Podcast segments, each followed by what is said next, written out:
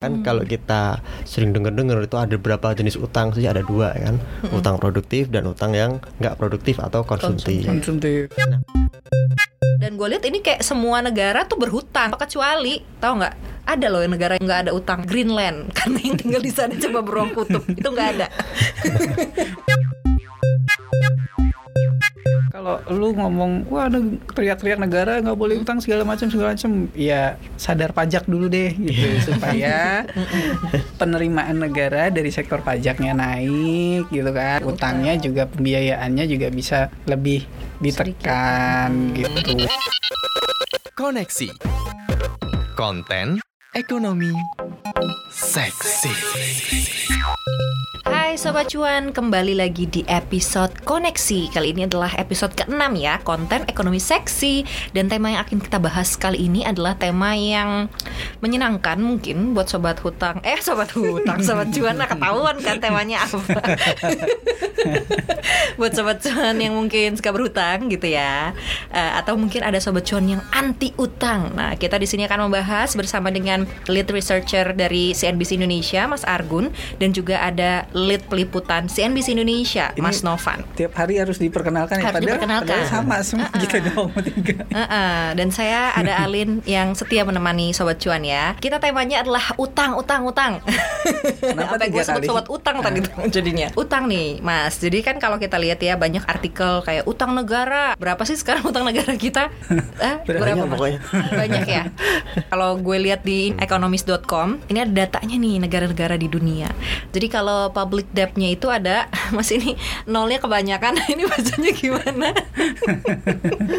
308 eh, miliar miliar US dollar. US dollar. Nah itu dia Kalau misalnya Sobat Cuan nggak percaya Cek aja economist.com Eh, Jadi ada peta negara gitu Terus ada warna-warnanya Makin merah tuh negara Makin banyak jumlah utangnya Kalau gue lihat di sini Amerika ya Yang paling merah banget gitu merahnya nyaris hitam gitu ya. Enggak sih merah data- Merah darah yang Merah cabe ya kayaknya Kalau ini data persebaran Hot. corona juga kali ya Kayaknya gitu ya. Jadi ini kalau dilihat ya yang merah ya eh, jumlahnya ya. Kalau Amerika Serikat itu merah banget dan ini jumlahnya Mas Argun yang baca. Oh 15,99 public debt-nya itu belum sama yang private ya. Hmm, Jadi ya pri- uh, public debt-nya utang milik pemerintahnya yang diterbitkan oleh pemerintahnya aja nilainya 15,99 atau ya 16 Hmm. triliun dolar. 16 triliun dolar. Terus juga ada Kanada juga nggak kalah ya. Ya pokoknya gitu ya. Gue sebutin aja yang, yang warnanya merah-merah banget nih. Ada Amerika ada Kanada. Eropa tuh merah juga. Terus Jepang China India eh, Australia Brazil ini kayaknya negara-negara yang perekonomiannya Maju. maju gitu ya malah Iya. yang paling merah nih yang Yang, utangnya yang 20 semua ya? hijau-hijau, yang hijau-hijau. yang hijau-hijau juga ada, yang hutangnya sedikit. Mau tahu nggak sobat cuan itu di mana negara-negara yang hutangnya sedikit nih? Saya bacain ya yang hijau banget. Papua Nugini, kemudian Botswana, kemudian juga ini apa nih? Libya, Mali, sama Paraguay. Jadi kebanyakan ini kalau gue lihat ada di benua Afrika. Hmm. Terus ya Papua Nugini juga negara tetangga kita gitu ya, sama ada di Amerika Latin ya ini Iya. ya, Paraguay. Gitu sobat cuan. Jadi kalau misalnya kita lihat ini negara-negara yang ekonominya maju, ini adalah yang warnanya merah yang utangnya banyak. Tapi kalau dari peta ekonomis di ekonomis.com ini gitu ya, yang negara-negara hijau yang utangnya sedikit atau utangnya kecil, ini adalah negara-negara yang tidak terlalu maju perkembangannya gitu Hmm. di di apa di negaranya karena banyak banget nih negara-negara di Maksudnya Afrika. ekonominya nggak terlalu terkenal sebagai negara-negara maju atau negara-negara menengah gitu ya. Mm-mm, gitu. Jadi kalau sobat cuan mau lihat, lihat aja ya di www.economist.com gitu. Di situ ada tuh global debt clock bahkan ada. Jadi ada peta isinya adalah total public debt dari negara-negara di dunia gitu. Hmm. Jadi kalau misalnya dilihat nih Mas Argun ya, Indonesia tuh sebenarnya tidak terlalu besar lah hutangnya. Hmm. Kalau gue lihat, walaupun tadi jumlahnya besar, bisa beli macam-macam itu ya. Jadi kalau utang negara tuh sebenarnya gimana sih eh, membacanya atau perspektifnya gitu ya? Walaupun nanti di episode ini sobat cuan kita akan bahas tiga tiga utang, Hmm. utang negara, utang korporasi, utang pribadi, Ya. sama utang budi sama orang tua. itu panjang tuh, ntar satu episode sendiri ya. Itu Gimana? Kalau Bang Budi pembahasannya ntar pakai musik melo-melo. Eh, sedih gitu pakai lagu Rosa yang ku menangis itu Indosiar gimana Mas Argun sih kalau kita untuk ngelihat utang suatu negara tuh gimana sih? Karena kan ada yang bilang, iya Indonesia utangnya besar, tapi Jepang tuh lebih besar gitu kan. Cina bahkan Amerika juga. Dan gue lihat ini kayak semua negara tuh berhutang dan Iya. utangnya ke siapa kecuali tahu nggak? Ada loh negara yang abu-abu nggak ada utangnya. Greenland karena yang tinggal di sana cuma beruang kutub itu nggak ada di, di petanya Greenland tidak berhutang jadi sobat cuan kalau pengen negara yang bebas hutang ya ke Greenland atau Madagaskar nih ada dua Mm-mm. ke situlah gimana mas Argun Iya. ngejelasinnya Baik, kalau utang ini kan kesannya negatif gitu ya. Misalnya kalau di keseharian kita gitu kan kadang kalau kita ngobrol gitu, wah aku lagi terbelit utang, berarti terbelit persoalan. Atau wah orang itu utangnya banyak, berarti orang itu bermasalah. Kesannya kan kayak gitu. Tetapi kalau kita bicara soal utang negara, ini sebenarnya padanannya lebih pada utang cocoknya pada utang produktif gitu. Kan kalau kita sering dengar-dengar itu ada berapa jenis utang sih? Ada dua kan, utang produktif dan utang yang nggak produktif atau konsumtif. Konsumtif. Nah, utang negara ini konsumtif atau produktif? Idealnya itu utang produktif gitu. Jadi negara ini harus diibaratkan seperti mobil-mobil yang lagi balapan kayak F1 gitu. Nah, mobil satu eh, mesinnya eh, kecil cc-nya, dia perlu dipermak. Mobil lain ada yang sudah tinggi cc-nya. Gimana biar mesin yang eh, mobil yang cc kecil ini bisa melaju setara dengan mobil yang cc-nya besar? Harus dipermak, harus di-upgrade Upgrade. mesinnya. Ketika dia mau ngupgrade, dia nggak ada duitnya, ya kan? Maka harus ngutang, pinjam. Nah, dengan meminjam itu dia bisa ngupgrade mesin, bisa nambah bensin atau apa pun, nambah apa namanya aerodinamisnya biar diperbagus, diperkuat. Nah, dengan dengan begitu dia bisa lebih kompetitif ketika ber eh, apa namanya berpacu di landasan pacunya itu.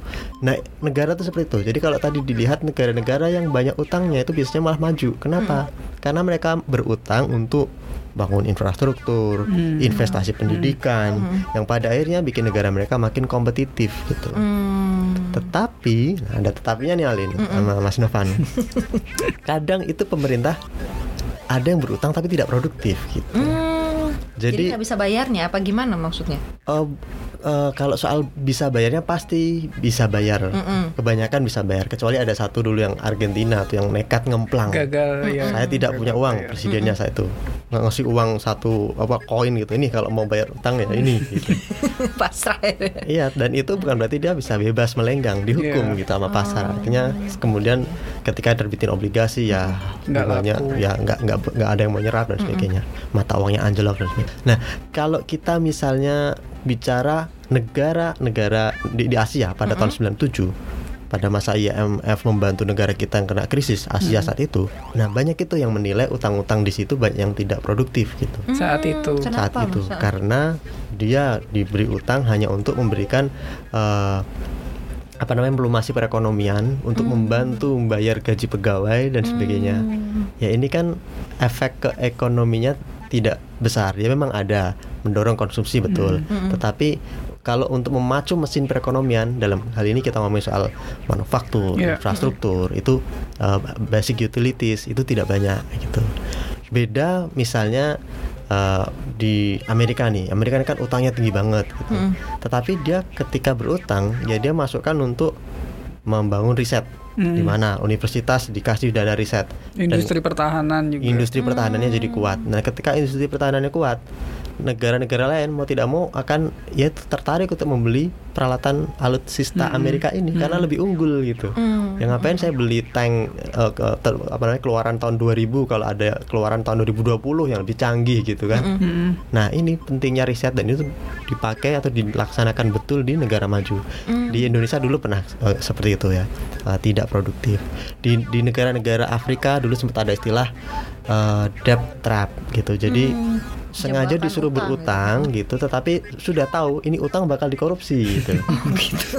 Jadi ya nggak apa-apa, investornya emang sengaja niat Sengaja ngasih eh, ke nih, ini sih, ya, ambil uang, korup ambil ya. uang, ambil uang buat utang, buat pembangunan dan sebagainya. Tapi ya semua tahu bahwa ini pasti dikorupsi karena pemerintahnya rezimnya buruk. Dan kalau kita ngomong eh, yang seperti ini, Indonesia pernah, lumayan ada pernah. momen itu Momen itu pada masa Ada pada masanya. dulu itu, Iya. gitu ya. 32 tahun ya Iya.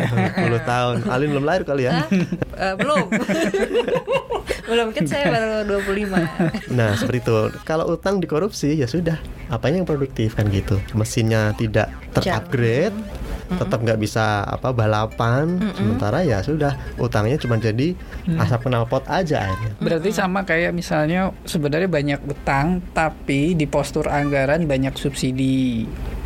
Artinya subsidi yang nggak tepat gitu ya Mas. Hmm. Maksudnya Bisa dibilang seperti itu. sehingga akhirnya kan kita kalau misalnya di era APBN gitu ya ada porsi utangnya sekian ternyata ada porsi subsidi yang juga sebenarnya tinggi juga gitu kan.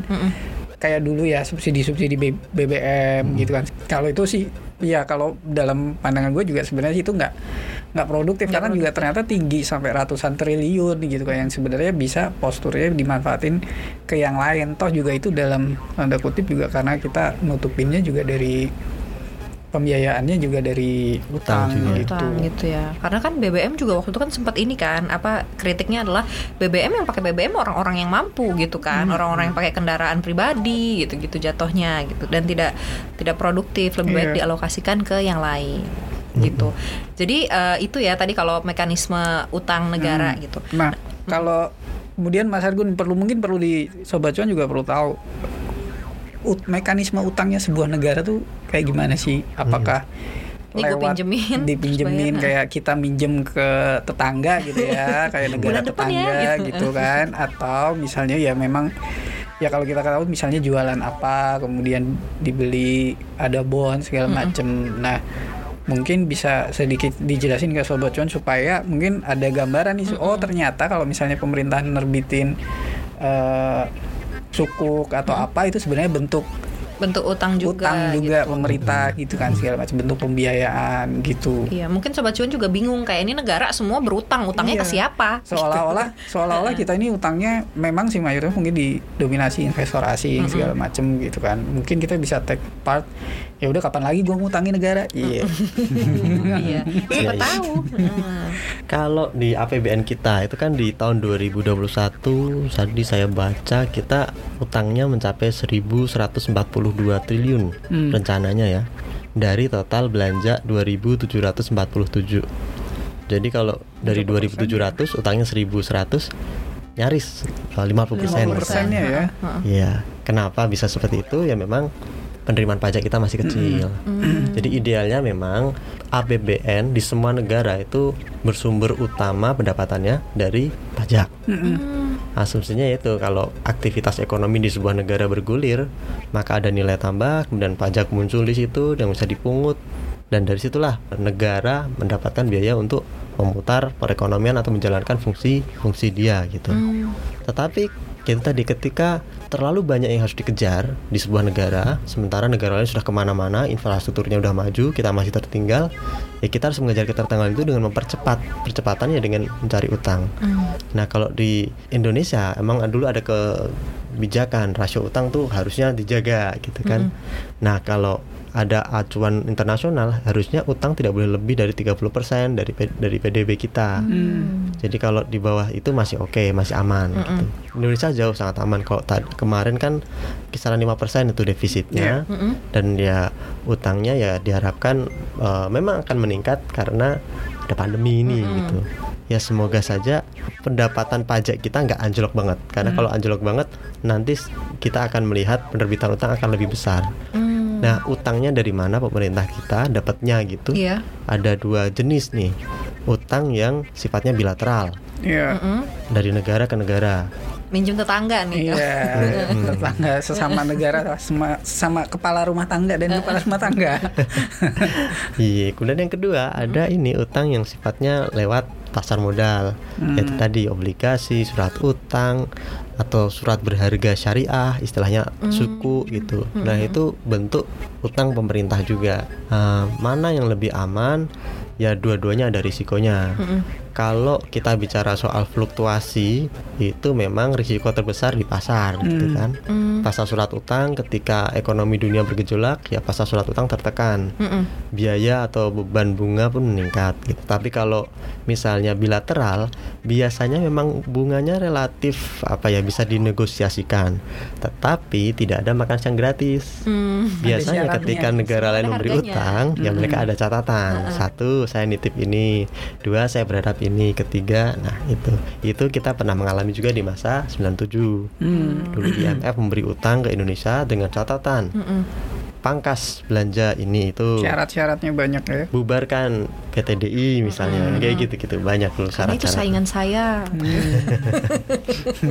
ya mana yang lebih baik? Saya pikir dua-duanya ada risikonya. Itu aja Berarti artinya kalau misalnya tadi ketika pasar uang tertekan bunganya tuh berarti pemerintah harus supaya ya. investor tertarik harus ngasih bunga yang premium gitu ya. Yang lebih- Kaitannya nih utang dengan peringkat utang negara Mas Argo. Mungkin dijelaskan kan ada yang ada nih oh Indonesia eh, peringkat utangnya naik gitu kan. Iya. Gue nggak tahu apakah ini prestasi kah atau sebenarnya ya Apakah itu berarti negara kita dipercaya gitu kan Ya, di mata internasional? dipercaya gitu. dipercaya sebagai penghutang yang baik Penghutang yang baik berarti mampu bayar nih, potensinya bagus gitu loh Iya, sobat cuan. bikin bikin cuan juga gitu kan berarti ya berarti nggak lepas dari utang tapi ya itulah gimana Gimana tuh? ya ada istilah peringkat utang itu kan dia yang terbitin biasanya uh, perusahaan pemeringkat global S&P, Standard and Poor's, Moody's ya kan. Nah, itu mereka biasanya memang punya apa istilahnya mereka itu variabel-variabel ukurannya. Mm-mm. Jadi misalnya sebuah negara tidak pernah ngemplang misalnya sama kayak Argentina tadi Ya. peringkatnya udah susah naik dia karena ada track record pernah ngemplang gitu. masalah kepercayaan ya sebenarnya kepercayaan. Nah, peringkat kita ini sekarang kan sudah dinilai layak investasi. Hmm. Eh, apa investment grade kalau istilah bahasa eh, Inggrisnya. jadi kayak layak diutangi gitu ya maksudnya kalau lu diutang sana itu sama aja investasi gitu yes. gitu kira-kira ya Jadi kalau Anda orang berduit Mm-mm. dan kemudian sebuah negara memiliki peringkat layak investasi berarti Anda dibilang utangi negara itu. Karena negara itu nanti bisa mengembalikan dengan baik dan uang yang kamu berikan itu akan bisa menjadi bentuk investasi buat kamu. Hmm. Oke. Tapi kan ada sebaliknya eh, peringkatnya apa eh, tidak layak investasi. kan. Hmm. Nah itu ya mereka bilang eh, istilah pasar itu uh, junk bond gitu. Junk bond. Obligasinya itu obligasi sampah. Oh, ada junk food ada, ada junk jambon. bond. Hmm, gitu. Nggak sehat Nggak sehat karena risikonya besar. Gitu. Nah ini bisa terjadi ketika negara-negara tersebut mengalami krisis, peringkat utangnya eh, dijatuhkan dari investment grade, Mm-mm. eh, kemudian outlooknya dari stabil menjadi ya agak terganggu dan sebagainya terganggu turun terus bisa jadi sampai ke itu eh, junk bond nanti bisa. Hmm. gagal bayar enggak Eh, belum sampai gagal belum bayar, sampai gagal tapi bayar. dinilai udah rawan gitu. Hmm. Hmm. Nah, Kalau kan memang ada sejarahnya beberapa negara yang misalnya disebut default gitu ya, dia nggak Mm-mm. bisa bayar utang. Kalau nggak salah pernah beberapa, beberapa negara Eropa kayak Yunani juga ris- risiko sebuah negara kemudian menjadi negara yang default atau gagal bayar utang. Kebanyakan kan kita berpikir bahwa bahwa wah ini berarti nanti aset-aset negara Disita gitu. ya. disita gitu atau dijual segala macam gitu. Nah, sebenarnya akan seperti apa nih ketika sebuah negara disebut bahwa dia default atau gagal bayar? Risiko ekonominya akan seperti apa, Mas Arif? Hmm, ini kalau misalnya sebuah negara gagal bayar, otomatis dia tidak eh, memiliki akses untuk mengakses itu para pemodal global. Hmm. Jadi dia udah gagal bayar, maka dia kayak mendapatkan cap merah gitu di jidatnya bahwa Hmm. ini sebaiknya dihindari gitu. Hmm. Kalau mau ngasih utang mending ke negara lain gitu. Hmm. Eh, tetapi biasanya mereka masih punya jalan, yaitu beberapa utang-utang bilateral yang akan diambil. Kayak Argentina itu dulu ketika di pasar Hmm. dia sudah kesulitan, ya dia dari utang dari mitranya dari Amerika, dari pemerintah Amerika, kemudian dari mitra-mitra yang lain dengan catatan banyak pasti gitu. Artinya dengan prasyaratnya Prasyarat yang banyak. mungkin juga berdampak sama ekonomi di dalam negerinya gitu ya. Mm-mm, jadi kalau sebuah negara sudah kesulitan membayar kewajiban utangnya, otomatis dia juga kesulitan untuk mendapatkan pendapatan negara kan? Hmm. Karena kan pendapatan negara kebanyakan dari pajak dan utang Iya. itu tadi. Nah ada hibah itu udah nggak usah dihitung lah kecil banget Hmm. itu untuk ukuran negara. Ya, ya itu ketika yang penerimaan pajaknya jadi satu-satunya tumpuan, sementara dia tuh nggak cukup untuk membiayai pembelanjaan negara, ya utang sudah tidak tersedia lagi, maka dia nggak bisa lagi mengalokasikan dana lebih untuk membiayai proyek, Hmm. untuk membiayai remunerasi gaji pegawai dan sebagainya. Lama kelamaan ya itu ada pergolakan, letupan, bisa jadi krisis sosial Iya. gitu.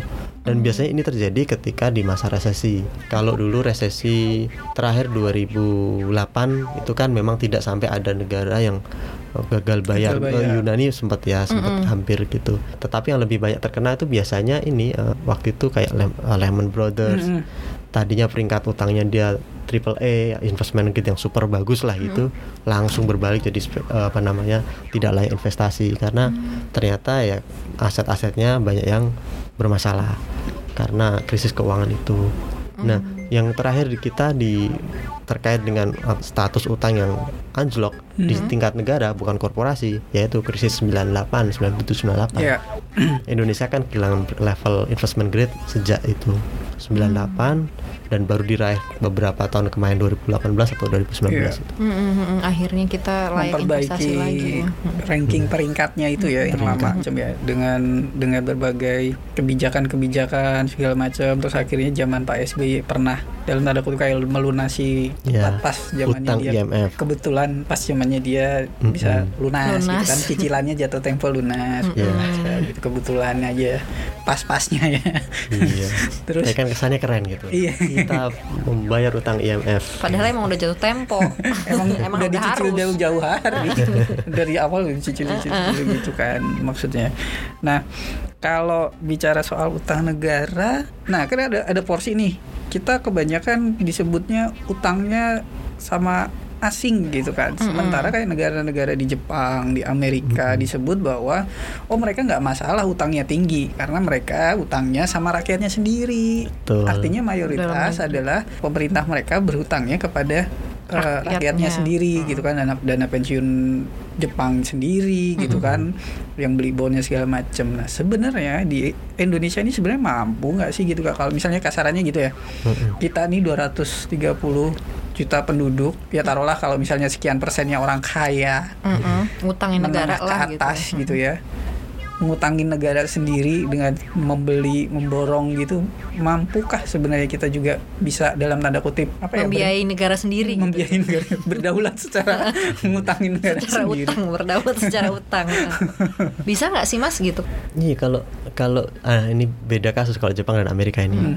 Jadi kalau Jepang itu dia memang jadi negara dengan rasio utang terhadap GDP atau produk domestik bruto itu yang terbesar 253% terakhir. Jadi berapa 200 53% dari PDB. Jadi nilai ekonomi satu negaranya misalnya 1000, utangnya itu udah 2500. oke Jadi utangnya lebih gede dibandingkan ukuran ekonominya. Hmm. Tetapi kenapa aman? Karena itu tadi udah kita tahu bahwa Jepang itu kebanyakan yang memberi utang atau menjadi kreditor itu adalah warganya sendiri dan pensiun, asuransi di sana kan gede-gede itu di, di, di Jepang. Termasuk nenek-neneknya gitu. Hmm. Jadi kalau pemerintahan terbitin obligasi itu yang ngantri juga nenek-nenek nenek-nenek gitu. Jepang tuh beli gitu ya Beli. kalau kita di sini mah nenek-nenek kita buru-buru tahu ya nyimpen duit aja masih ya. di bawah kasur Heeh, heeh. terus terus mas Iya itu, nah itu makanya kenapa Jepang relatif resilient ya meskipun utangnya tinggi tapi ya kalau ada gejolak ekonomi mah santai-santai aja gitu. Sementara kalau Amerika Serikat dia aman karena eh, gini dia kan negara yang mata uangnya itu dipakai di seluruh dunia, karena super power lebih kepada super itu power. ya Eh, apa pentingnya ini? Gini kalau anda me- mempunyai uang yang dipegang oleh seluruh dunia bahkan di sebuah negara uang anda itu tidak boleh lecek gitu. Kalau lecek nilainya berkurang di mana itu? Indonesia. negara plus 62 cuma di Indonesia ya. Iya. itu berarti uang anda akan diserap dipegang oleh investor itu di seluruh dunia termasuk di Indonesia yang tadi suka megang uang nggak lecek dengan nilai berapapun. Jadi Amerika mencetak uang berapapun berutang berapapun itu uangnya akan tetap dipegang orang seluruh dunia gitu. Hmm. jadi ya risikonya menyebar kan kalau di pasar uang itu istilahnya ada hukum namanya good money squeeze the bad money. Jadi kalau uang yang bagus itu yang nekan yang nggak bagus. Hmm. nah yang bagus tuh apa? Yang banyak dipegang orang. Nah sekarang kan dolar Amerika dianggap ya safe haven gitu. Orang kalau mau nyimpen duit nyimpen investasi yang cash daripada nyimpen dolar. rupiah gitu nggak kadang nggak dolar kan nggak gitu. mungkin nggak laku lah ya. Bahkan di negara mana pun gitu pasti itu diterima gitu. Betul Nah inilah yang bikin Amerika tetap bisa berutang segede apa pun meskipun ya itu sekarang kan nilainya udah 22 triliun. Utangnya tadi berapa? Eh, 16 ya. Tapi kalau nggak salah itu 2018 2019 kayaknya sudah 22 triliun. Tapi berapapun angkanya itu masih lebih gede dari ekonomi kita. Kita kan 1000 triliun PDB-nya Hmm. dia udah 22 triliun utangnya saja. Mm-mm. itu menunjukkan bahwa emang gede banget utangnya Amerika tetapi mereka masih santai-santai aja. Karena ya ya sudah nanti kalau perlu pembiayaan dan di sana kan eh, bank sentralnya kalau di sini BI di sana namanya the Fed itu bisa membeli obligasi pemerintah sejak lama nih eh, dari pasar langsung. Oh. jadi misalnya ada perusahaan di Amerika atau apa nih perusahaan Microsoft nerbitin surat utang. Bisa biasanya nggak ada yang mau beli bank sentralnya yang beli. Gitu. Hmm. dengan kata lain ya dalam tanda kutip yang bahasa tanya tak uang gitu. Hmm. untuk beli itu. Uangnya dipakai apa? Microsoft untuk beli peralatan dari China dari uh, Taiwan dan sebagainya. Uangnya ke seluruh dunia. Dan itu tetap bernilai. Nilainya tidak berkurang atau atau jatuh. Itu yang bikin mereka masih aman. Kayak gitu. Hmm. Nah Indonesia nih sekarang baru tuh ngikuti. Jadi Ngikutin BI baru Amerika. tahun ini nanti bisa membeli surat utang di pasar primer. Pasar primer yang pasar utama pemerintah nerbitin surat utang dibeli BI tapi BI kita belum boleh beli surat Dari utangnya korporasi. Swasta nggak boleh Karena takut ya nanti malah ada bisa apa bahaya gitu. moral hazard tiba-tiba Alin nerbitin surat utang wih dibeli BI Dibeli BI, amat. gak taunya wak wow. Emplang. Karena masalah kepercayaan juga sih ya gitu ya agak sulit memang Iya. di sini ya. Tapi sebenarnya jadi eh, investornya artinya penghutang dalam negerinya Indonesia ini juga sebenarnya masih rendah ya. Artinya orang-orang Indonesia yang menghutangi pemerintah yang Ya. beli surat utangnya itu sebenarnya rasionya berarti sebenarnya belum terlalu tinggi ya. Iya masih kecil itu kenapa sih? Apa karena memang penghasilan kita Oh. gitu ya kecil gitu atau memang nggak tahu gitu bahwa ternyata ada instrumen Iya. investasi Siapa yang tahu setelah kita dengerin ngutangin. ini sobat cuan berniat menghutangi negara Ah, ah. karena dia baru tahu oh ternyata gue bisa ngutangin Bisa, negara gitu. dengan harga dalam tanda kutip gue beli surat utangnya yang sekian gitu kan dan imbal hasilnya juga lumayan. loh. lumayan. Mm-mm. Jadi ini terkait dengan apa namanya? Kalau kita sering mendengar istilah daya beli, Hmm. nah, ini kita ngomongin soal daya tabung, Hmm. daya menabung. Sejauh mana sebuah bangsa itu bisa menabung? Memang ini eh, kenyataan kenyataan pahit sih. Jadi kalau di negara maju, national savingnya atau simpanan nasionalnya itu besar. Karena apa? Semua warga yang punya penghasilan itu besar penghasilannya masih lebih gede dibandingkan pengeluarannya sehingga ada uang sisa yang bisa ditabung. Hmm. Ditabung itu artinya diinvestasikan kembali ke ya atau dalam bentuk investasi surat utang gitu Surat ya utang, kemudian ya. ya. Eh, mungkin paling sederhananya taruhlah ditabung di bank. Nah bank sendiri kalau savingnya terlalu banyak dia kan harus muter gitu. Hmm. Nah caranya muter apa dalam bentuk kredit. Kalau kredit sudah terpenuhi diputar ke dalam bentuk apa? Ke membeli surat utang pemerintah, membeli surat utang atau surat berharga Bank Indonesia SBI, sertifikat Bank Indonesia. Eh, Hal-hal seperti ini yang bisa dilakukan ketika savingnya national savingnya tinggi dan kita enggak. Kita itu rata-rata masyarakat Indonesia eh, menurut riset itu ya cuman menabung rata-rata 8% dari total income mereka gitu. Oke. 8% itu kan dikit sekali. Mm-mm. Ya taruhlah 10%. Padahal gaji minimal 1 juta. 10 ya katanya. Ya gaji 1 juta ya 100 ribu yakin berarti gitu. Mm-mm. Jadi memang masih terlalu sedikit. Kalau di negara maju ya itu biaya hidup mereka kecil, pendapatannya tinggi. Jadi masyarakat banyak uang sisa yang bisa ditabung dan kemudian lembaga keuangan mereka sudah maju Hmm. sehingga dana-dana yang dikelola di lembaga keuangan itu diputar sedemikian rupa sehingga nilainya meningkat pesat Hmm. dan penilaian nil- eh, aset national saving ini pada akhirnya bisa dipakai untuk membantu pemerintah memenuhi kebutuhan pendanaan dia gitu pembelanjaan dia ditutup dari utang yang dibeli oleh warganya sendiri Hmm. Indonesia sayangnya belum misalnya kalau kita bicara eh, bisa nggak ngutangi pemerintah bisa tapi paling baru bisa obligasi retail gitu. Mm-mm. Nah, SBN, retail, ori itu. Nah, itu kita baru bisa. Nah, kalau di negara-negara di semacam di Jepang, itu obligasi pemerintah. Sun, SBN, FR 00 berapa 32 misalnya jatuh tempo 30 tahun terbitin lagi.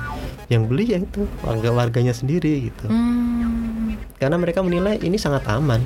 Pemerintah saya Dijamin pemerintah gitu ya dan juga membantu negara sendiri gitu. Ya, dan mereka juga udah udah litera eh, apa namanya literasi keuangan sudah tinggi. Mm. daripada saya nabung cuma dapat Hmm. satu persenan gitu per bulan mending saya taruh di obligasi pemerintah gitu.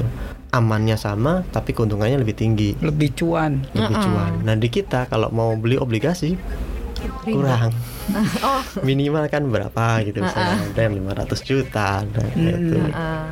artinya memang level levelnya level pendapatannya ya bisa disebut menengah ke atas lah ya, yang sebenarnya mampu nih. Iya. Kalau untuk bicara untuk ngebantuin negara gitu ya quote unquote ya kalau misalnya duit. ya yang yang level ya yang menengah yang tipikal-tipikal saya buat cuan yang baru mulai mau investasi segala macam ya jatuhnya paling ke retailnya segala macam Iya. gitu ya. Mm-mm, mm-mm. Tapi kan itu juga ya makanya pemerintah Kementerian Keuangan gitu kan eh, belakangan waktu ini membuka untuk retail ada Scoop Iya, retail, kemudian mm-mm. juga ada Ori kemarin itu kan, SBN gitu kita udah mulai dibukain tuh aksesnya ke situ gitu. Cuma mungkin belum banyak aja Hmm. yang tahu gitu bahwa ternyata oh bisa loh gitu lo beli surat utang negara yang berarti adalah lo meminjamkan uang lo gitu sobat Iya. cuan ke negara gitu. Itu Hmm. bisa gitu negara membutuhkan utang karena untuk aksela- eh, akselerasi gitu. Ibaratnya mau balapan, jadi kita harus siap saat ini gitu kan. sama halnya dengan korporasi gitu ya mas ya ketika korporasi membutuhkan tambahan dana untuk betul utang utang melalui utang untuk akuisisi kah atau untuk ekspansi kah biasanya ininya seperti itu ya Mm-mm, mm-mm. Jadi sama-sama seperti korporasi, ini utang produktif sebenarnya Hmm. eh, Iya. untuk pemerintah. Eh, tetapi kan sama juga semua utang itu ada risikonya. gitu. ya Jadi kalau nggak bisa bayar, otomatis dia akan ini risiko paling paling ringan dari utang adalah refinancing. Hmm. Kalau misalnya udah jatuh tempo nih pemerintah obligasinya dan dia tidak bisa bayar misalnya atau ya sebenarnya ada duit, cuman eh mending buat belanja yang lain gitu. Otomatis di refinancing atau dibiayai kembali, ya dia nerbitin surat utang baru yang akan diberikan ke eh, investor lama ini pemegang surat utang Jadi lama. kayak ini gali lubang tutup lubang dong. diperbarui diperbarui dan agar investor yang apa ditawari itu mau? Biasanya kan dia harus mendapatkan ini dong pemanis. Ya pemanisnya apa? Bunganya lebih, Lebih tinggi. besar. Hmm. dan itulah yang menjadi risiko paling sederhana paling paling apa? Paling ringan dari dari apa namanya utang yang yang yang tidak ber- Hmm. tidak bisa dikelola gitu. Hmm. Kalau kalau perusahaan tuh biasanya yang gue tahu biasanya ada beberapa langkah. Misalnya utangnya sekarang belum jatuh tempo nih, tapi ternyata sekarang ini ada utang yang lebih murah bunganya gitu. Akhirnya dia berhutang, Mm-mm, untuk ditutup dulu nih itu.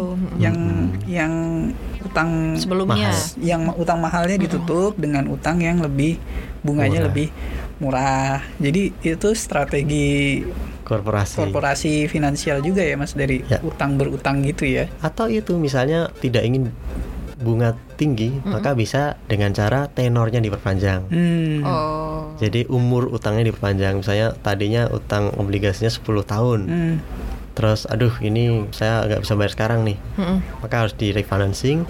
Tetapi yaitu pemanisnya apa? Ya sudah, bunganya tetap tidak berubah tetapi masanya lebih panjang. Jadi Anda Hmm. punya security aset Anda lebih panjang gitu. Pendapatan fix atau fix income-nya itu lebih lama umurnya. Hmm. Mungkin tenornya diperpanjang jadi 15 tahun atau 20 tahun kayak gitu.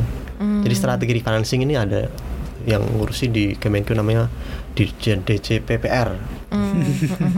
Jadi yang ngatur-ngatur agar utang ini nggak terlalu membebani. Hmm. Nah kalau perusahaan itu kalau bicara ris- risiko utangnya juga mas, kalau kita tadi kan udah ngomongin nih kalau negara default gagal bayar biasanya seperti apa. Nah kalau perusahaan sebuah perusahaan juga gitu, perusahaan kan juga ada eh, peringkat utangnya ya kalau nggak masing-masing sama. perusahaan di, dikasih peringkat nih perusahaan ini peringkatnya apa. Nah kalau misalnya se buruk-buruknya kemudian dia default gagal bayar gitu kan berarti dia masih punya opsi untuk misalnya tadi memperpanjang apa gitu ya Tenornya gitu. tenornya atau Mm-mm. apanya nah kalau misalnya mentok nih apakah kemudian serta merta asetnya akan di ini atau juga misalnya otomatis peringkat utangnya akan turun jatuh gitu kan Mm-mm. nggak nggak dipercaya lagi kayak negara kayak gimana mas kira-kira Oke, kalau di korporasi itu opsinya lebih banyak karena dia tidak ada ikatan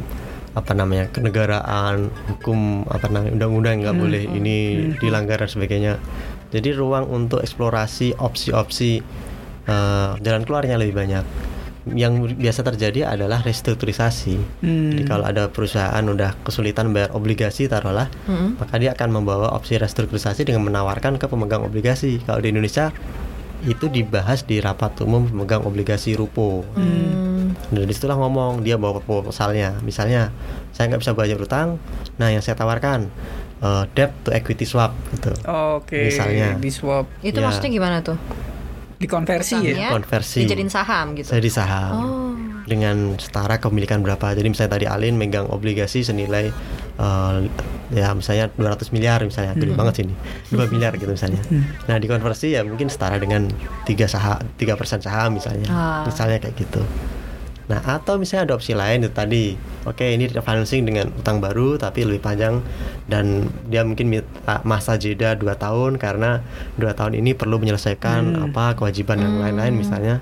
Kalau eh, investor obligasi setuju, ya itu bisa diambil. Hmm. Jadi emang opsinya sangat banyak negosiasi gitu. Hmm. Nah, paling banter nih kalau emang sudah nggak bisa bayar udah opsi-opsi yang ada sudah tidak di- bisa diterima karena investor obligasi melihat cash flow sudah nggak sehat, Hmm. asetnya sudah kecil, lebih kecil dibandingkan utangnya misalnya, Operasional nggak bakalan bisa ini nggak bisa survive gitu ya. nutup gitu, ya mereka bisa menolak itu dan kemudian milih langkah itu pemailitan itu bisa. Hmm. Oh, Diajukan- perusahaannya dibikin fi- di- Dibikin pilot, pilot. declare pilot gitu ya. Nah, kalau pilot yang rugi karyawan.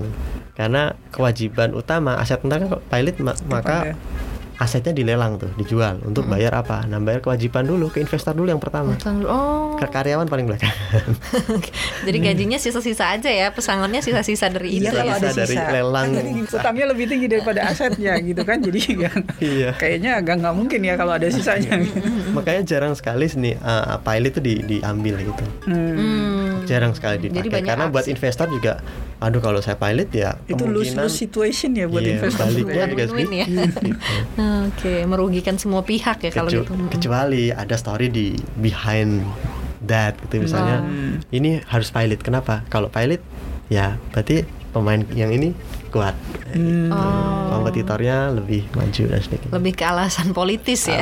alasan Strategi kompetisi persaingan kompetisi antar nggak sehat usaha. gitu ya untuk mematikan kompetitornya gitu. kompetitor Oh. nah kadang bisa lewat jalan-jalan seperti itu mm. Jadi itu ya negara berhutang, korporasi berhutang gitu ya. Karena Mm-mm. memang kita memang membutuhkan utang gitu ya. Iya. Mas Novan ya, Mas Argun ya. Mm-mm. Ya paling tidak kita harus kalau yang gue lihat pertama negara pun berpikir level aman gitu kan ya. Kemudian perusahaan pun juga berpikir level aman pada hutang gitu kan ya. Karena kan ada debt to equity ratio gitu kan. Iya. Biasanya mereka memban apa ada rasio Mm-mm. utangnya dengan equity-nya berapa gitu kan.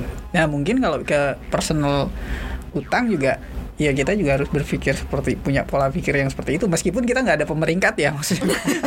Eh ada BI checking kan bisa dilihat. Oh iya.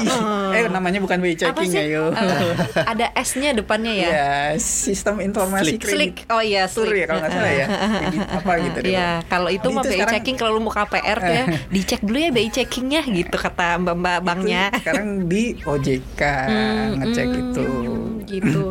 itu Iya. catatan memang sih catatan utang kita gitu kan macam. cuma seberapa lancar macam kita sebagai yang di- Penghutang. penghutang gitu kan Mm, mm, mm. Men- ini komitmen jadi buat pertimbangan perusahaan pemberi hutang apakah Apakah kita ini layak atau enggak aman atau enggak gitu ya Betul, ngutangin ke iya. orang ini gitu. Ya, Ada itu- tracknya. sih itu itu peringkat pemeringkat sih. itu Karena loh ada- di di ini report tagihan Iya. kartu kredit Iya. tuh di bawahnya suka ada kan ada satu, status gitu dua lancar gitu ya. Ya lancar ada peringkatnya tuh satu dua tiga Iya. call satu call dua oh gitu ya kalau gue iya. tulisannya kayak cuma lancar gitu Nggak, nanti ada angkanya satu oh gitu coba deh nanti gue Kalau lihat lancar coba sengaja, satu. sengaja nggak lancar coba Emang kenapa? berubah peringkatnya Jangan dong. gitu. Jadi gitu ya sobat cuan ya. Tapi kan itu kan kalau besarannya ya kita ngomongin negara. Memang berarti mungkin negara itu membutuhkan utang gitu ya untuk supaya negaranya itu bisa berkembang dan sebenarnya itu buat rakyatnya juga Hmm. gitu kan. Buat kita supaya lo bisa punya jalan yang bagus di di daerah lo gitu Hmm. sobat cuan gitu. Terus bisa punya pendidikan yang baik gitu Iya. kan. Ke arah sana sebenarnya itu kan adalah penggunaan produktifnya gitu ya. Hmm. Eh, kan kalau tadi kalau rasio amannya utang negara tuh kan 30% ya. Hmm. Mas dibandingkan dengan GDP-nya dia gitu. Eh, ini bisa diterapkan juga nggak sih ke personal gitu? Bahwa kita dengan income kita itu rasio amannya adalah utang lo tidak boleh lebih dari 30% pendapatan lo. Bisa diterapkan juga nggak Mas ini? Ya, itu hukum pari passu yang diterima secara umum. Rasio Hmm. utang terhadap taruhlah kalau kita berarti konteksnya pendapatan Mm-mm. atau ekuitas gitu kalau di perusahaan debt to equity ratio itu idealnya 30%. Hmm. Tapi ini berbeda untuk bank karena kan bank eh, itu dia bisnisnya memang memberi utang, jadi utang-utang bank itu memang tinggi. Nah dulu kan sempat rame itu utang Indonesia tinggi banget. Mm-mm. Itu karena bank BUMN mencatat kredit yang dia berikan itu sebagai utang. Gitu. Hmm. Oke. Nah, itu yang bikin rame. Tapi kalau itu dikecualikan sebenarnya masih terkendali. Gitu. Hmm. Eh, nah itu bisa kita pasti pakai 30% karena secara umum itu memang dipakai gitu. Asumsinya apa? Kalau misalnya ada apa-apa gitu, kita masih punya yaitu ekuitas yang cukup untuk membayar itu. Jadi Hmm. sepertiga dari eh, misalnya kita utangnya 10 Nah kita idealnya ekuitas atau duit yang ada itu tiga kali lipat dari itu. Hmm. Jadi letak keamanannya di situ. Nah, saya pikir sebelum kita nanya apa maksudnya berapa sih idealnya rasio utang itu, maka tanya dulu. Ini soal personal ya, karena kan ini pengelolaan uang pribadi. Apakah anda perlu berhutang? Hmm. Karena kadang ada yang berhutang hanya untuk memenuhi keinginan. Oke. Tadi itu utang konsumtif. Mm-mm. Nah, kalau itu kan ya rasio 30% juga menurut saya tidak tidak relevan karena yang ngapain utang kalau hanya untuk menambah beban pengeluaran tiap bulan yang Iya. ada sementara tidak memicu kenaikan penghasilan gitu. Oke. Beda sama utang produktif. Kalau utang produktif misalnya Anda belum punya motor, Mm-mm. selama ini ngangkot, beli motor. Ini konsumtif atau produktif? Gitu. Tergantung motor yang dipakai ke mana. Kalau lebih hemat dari angkotnya Heeh. dengan naik motor, hitungannya bisa produktif. Produktif. Hmm. Karena dia mengurangi cost yang bisa Anda keluarkan tiap bulan. Iya, gitu. It- costnya. ini produktif.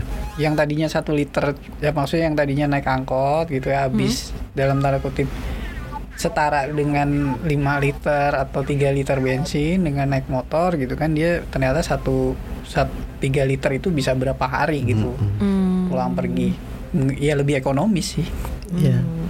Atau di sisi lain motornya bisa pakai buat ngojek, Hmm. Iya. nambah penghasilan lagi. Ini sangat-sangat produktif Iya. ini. Hmm. Jadi ke, ke- ke- definisi utang produktif ya itu bisa dua hal. Pertama mengurangi cost kita, Mm-mm. yang kedua menambah penghasilan. Oke. Idealnya sih menambah penghasilan, tapi kalau udah mengurangi cost udah cukup, udah bagus. Misalnya nggak punya rumah, ngapain harus ngajuin KPR? Mm-mm. Tiap bulan harus nambah apa beban pengeluaran, dipotong cicilan gitu kan.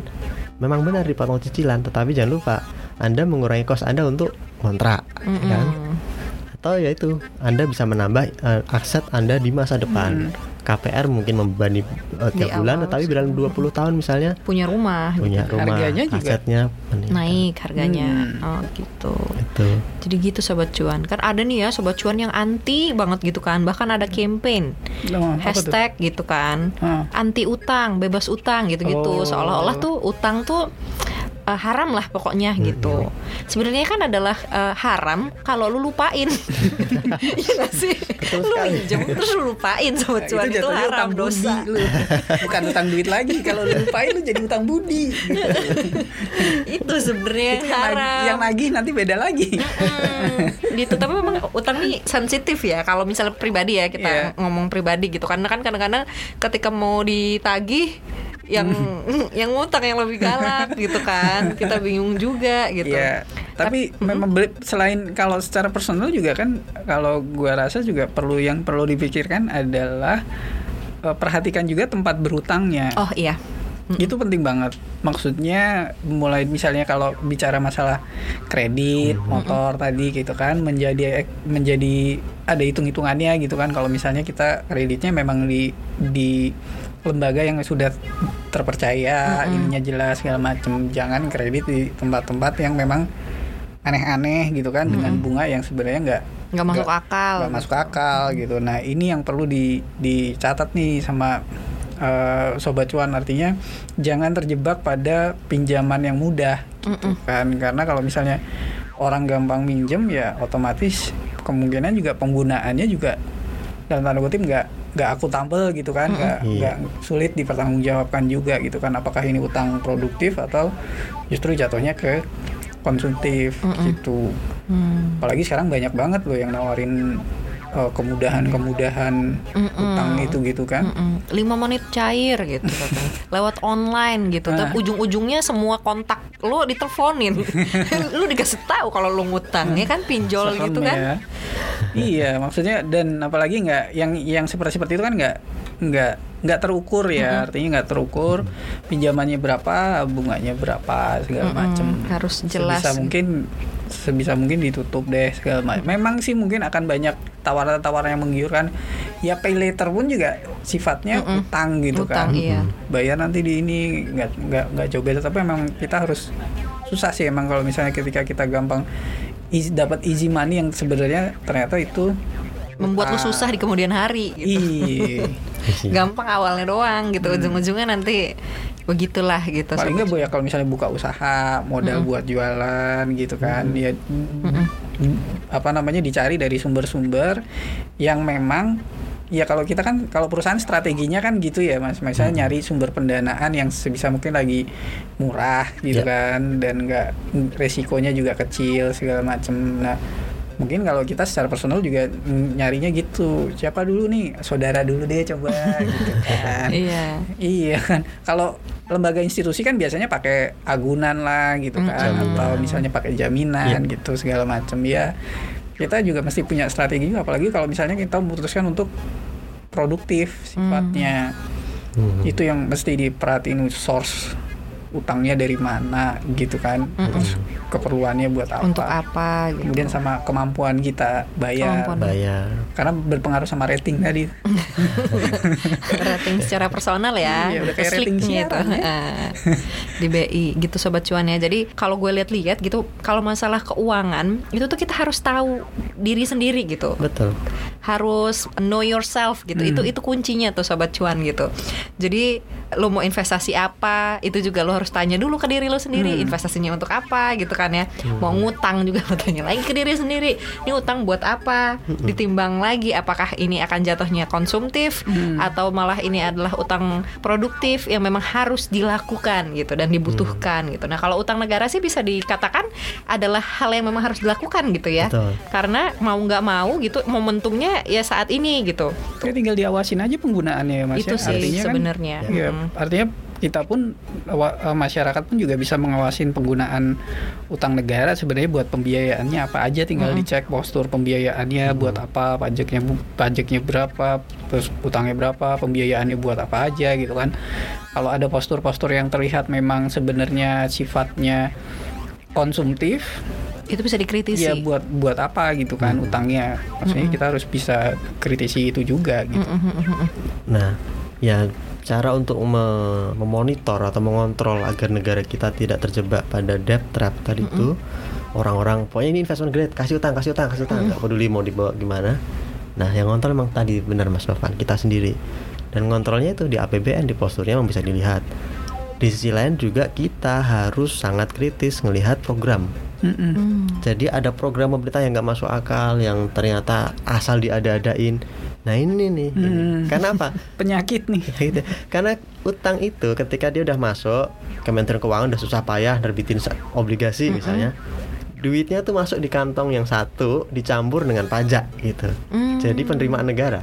Jadi nggak kita udah nggak bisa ngeliat lagi, oh utang dari Iya. obligasi ini dipakai untuk biayai proyek ini, udah nggak bisa. Ini udah jadi satu rekening gitu, dan kemudian dipakainya apa? Yaitu mau bikin ini, bikin program A, B, C, D, E. Terus kalau kita melihat program A ternyata bagus, berarti ini utangnya produktif. Tapi kalau programnya ternyata hanya program asal ada gitu. uh, untuk me- mengakomodir kepentingan politik misalnya, dan ini kan penyakit di semua negara, ya ini harus dicatat. Kalau bisa Iya. dicoret gitu, harus diperjuangkan agar tidak ada program-program seperti itu. Karena misalnya naikin gaji Hmm. itu Senayan gitu. It- ya itu kita perlu review juga. Mengkritisi ya. seberapa naiknya kemudian lo orang kita Mm-mm. ini masih mayoritas dibiayain utang segala macam masa Tapi situ- susah sih Mas Novan, kita mau mengkritisi, kita mau ngomong gitu nggak didengar. gitu masalahnya. Mungkin doa aja ya sobat cuan ya, biar Tuhan yang ngadili. gitu. Jadi harus kritis ya memang. Memang harus dimulai dari kita kritis dulu Alin. Jadi jangan berdoa dulu. Kita Jangan berdoa dulu ya, kritis. kritis dulu sobat cuan. Dan kemudian baru kita bisa mengubah keadaan lewat partai politik mau tidak mau. Hmm. Jadi teman-teman jangan antipati sama parpol. Karena cara satu-satunya cara untuk bisa ngubah program-program yang ngoyo-woro tadi itu ya di parpol, Iya, di rapat di- fraksi, rapat ini gitu. Nah, rapat fraksi siapa yang hadir bukan kita? Ya partai-partai politik ini. Mm-mm. Nah, agar parpol ini bisa bekerja, ya mau tidak mau kita harus ya ini proses bersama-sama. Bikin parpol yang benar-benar profesional gitu. Jadi dia tahu ketika publik nyoroti isu ini, dia akan ngomong. Hmm. Karena dia tahu ini akan mendulang dukungan massa gitu. Iya. Jadi ketika publik ngomong program A ini ngaco, tolong ini di nggak populis gitu ya Iya. Akhirnya kemudian parpol parpol pun oh iya. Wah kayaknya saya harus memperjuangkan ini di Senayan biar orang-orang kalangan muda yang kritis tadi Iya. itu bisa mendukung dia kayak gitu. Nah ini yang eh, jaringan ini yang belum terbentuk sebenarnya di Indonesia. Mm-mm. dan mungkin satu lagi nih gue pikir juga kalau lu ngomong wah ada teriak-teriak negara nggak boleh utang segala macam segala macam ya sadar pajak dulu deh gitu. Supaya penerimaan negara dari sektor pajaknya naik gitu kan segala macam gitu. Bisa mungkin utangnya juga pembiayaannya juga bisa lebih ditekan gitu. Mungkin kesadaran pajaknya aja masih rendah gitu juga kan Begitulah. Ada kalimat terakhir Mas Argun buat sobat cuan nih tentang Nah. utang. Oke. Jadi emang kalau cara filosofis itu emang idealnya tangan di atas lebih baik daripada tangan bawah. Yang memberi lebih baik daripada yang menerima. Termasuk dalam utang. Ketika Anda memberi utang berarti Anda disebut kreditor. Kredit itu artinya kan kepercayaan. Jadi Anda itu orang yang percaya sama orang lain gitu. Sementara yang debitor itu dari kata bahasa Prancis kalau tidak salah itu artinya ya minjam barang gitu. Hmm. Jadi ya yang dapat utang itu yang minjem. Dan kalau anda minjem anda harus balikin gitu. Jadi anda harus masti, mastiin bahwa barang yang anda pinjam itu bisa anda balikin. Karena kalau enggak ya orang yang percaya pada anda itu nanti bisa ya Kehilangan kepercayaan. kehilangan kepercayaan dan ini es, eksesnya luas. Pastikan utang yang diambil itu utang produktif dan yaitu pastikan kita mengawal penggunaan utang negara jangan hanya teriak-teriak utang sudah tinggi nah, terus itu tadi bayar pajak dulu dong dan kemudian yaitu mari awasi bersama-sama dari Iya. program Kalau dari gue sih gue doain ya sobat cuan yang mungkin lagi terlilit hutang karena nih ada sebenarnya yang beberapa lah yang DM di Hmm. @cuap underscore cuan nanya Min bahas dong tentang bagaimana lunasi utang. Nah itu lain lagi nih nanti Oh, iya. mungkin sama financial planner gitu karena eh, strateginya beda-beda tergantung dengan keuangan lo sebenarnya sobat Iya. cuan. Cuma ini garis besarnya aja kita kasih tahu ya bahwa utang tuh mekanismenya kayak gini penggunaannya buat ini dan itu gitu dan seharusnya eh, bagaimana gitu. Yang penting seharusnya lu lunasin gitu. gitu ya sobat cuan kalau misalnya ada kritik, saran atau ada pertanyaan boleh banget di DM ke Instagram kita ke mana Mas Novan Instagramnya? cuap underscore cuan Iya, terus bisa juga kalau misalnya mau ngecek Instagram @cnbc Indonesia Iya. atau juga bisa ke www.cnbcindonesia.com. Di situ banyak banget berita tentang ekonomi, bisnis, investasi segala macam deh. Pokoknya karena CNBC Indonesia itu adalah media ekonomi nomor satu ya di Cie. Indonesia. Uji diri sendiri. gitu ya, sahabat cuan. Kita ketemu lagi di episode lainnya. Dan selamat long weekend. Oh iya, eh, long Mas. Novan, Mas Argun selamat berlibur ya. long Yo. weekend. Dah sobat cuan. Bye.